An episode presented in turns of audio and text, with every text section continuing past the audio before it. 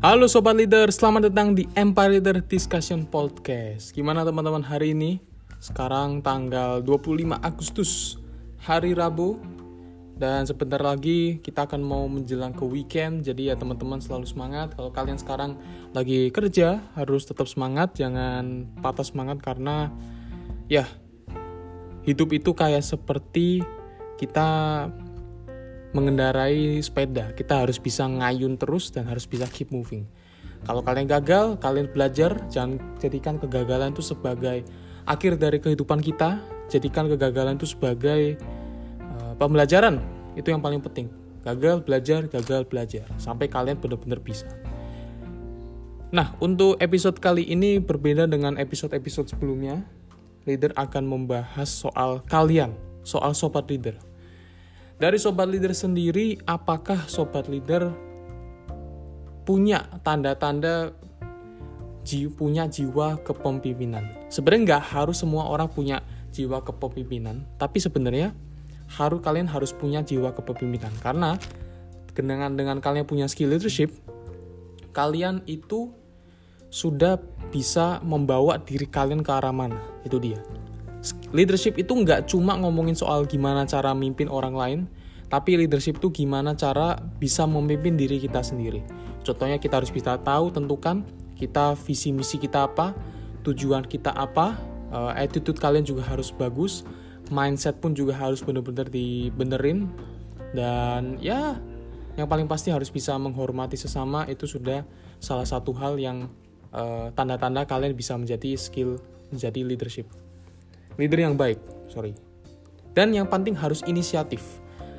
Kalau misal kalian inisiatif itu kalian tanda-tandanya sudah menjadi pemimpin. Kenapa? Karena namanya pemimpin pasti setiap keputusan itu ada ada beberapa orang yang gak suka, ada beberapa orang suka. Jadi mau kalian gimana pun kalian harus bisa jalanin inisiatif dan harus bisa eksekusinya dan effortnya harus bagus. Nah, jadi leader punya artikel nih dari internet 5 tanda kalian menjadi seorang leader ke depannya.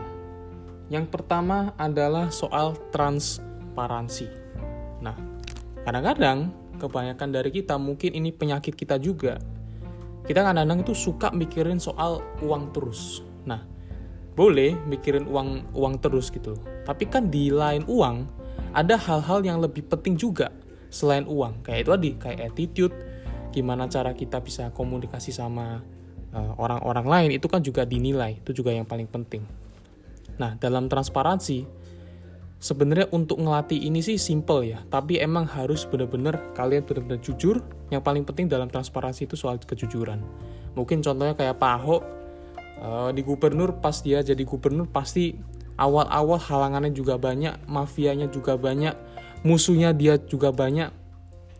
Meskipun setelah itu tahun 2017 dia ada masalah, tapi e, menurut menurut leader sendiri Ahok itu sebagai panutan dalam pemimpin yang punya transparansi yang tinggi.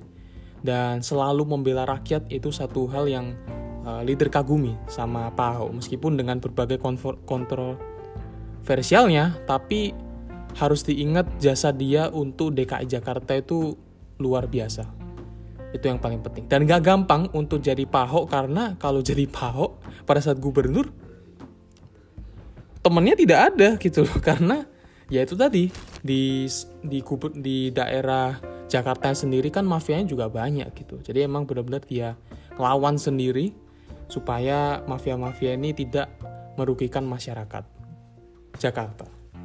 Itu dia. Jadi transparansi penting. Mungkin contohnya adalah kalau dalam kalian nabung kalau kalian misalnya dikasih sama orang tua kalian uang ya kalian jangan tulis tabungan kalian itu misalnya kalian dikasih 50 jangan tulis 100 ribu. Jangan tulis aja tetap 50 ribu. Jadi kalau misalnya kalian mau jadi bendahara di kelas mungkin ya mau nggak mau ya kalian benar-benar harus jujur gitu loh. Misalnya ada teman kalian ngasih uang kas kalian 10 ribu ya udah catat 10 ribu jangan catat catat 5 ribu jangan catat 6 ribu gitu karena itu yang paling penting jadi mungkin itu ya simple cara-caranya gimana caranya supaya uh, kalian harus bisa punya transparansi yang tinggi yang kedua adalah berbagi proses pengambilan keputusan. Nah, mungkin kalau zaman dulu dalam pengambilan keputusan itu selalu kita patokannya sama manajer, sama bos. Ya, sebenarnya sekarang udah nggak bisa dipakai lagi ya dalam budaya itu karena sekarang zamannya kolaborasi. Kalau kalian perusahaan kalian nggak seberapa sukses, tapi kalian punya temen yang punya usaha yang sukses, nah itu itu aja kalian bisa kolaborasi. Nggak perlu kalian bersaing gitu. Daripada kalian bersaing kan satu persatu, malah kalian terpuruk, mendingan kalian kolaborasi aja gitu. Karena itu penting banget soalnya. Dan kalau misalnya kalian punya tim, jangan selalu patokan keputusannya terhadap kalian saja. Yang paling penting coba kalian dengerin usul mereka, apakah kalian punya usul soal permasalahan ini atau mungkin kalian mau bikin produk, kalian coba libatkan sama tim kalian. Karena siapa tahu tim kalian tuh punya keputusan-keputusan yang lebih bagus daripada kalian. Makanya itulah pentingnya tim supaya apa yang kalian jalankan, bisnis yang kalian jalankan itu bisa semakin bertahun-bertahun semakin berkembang.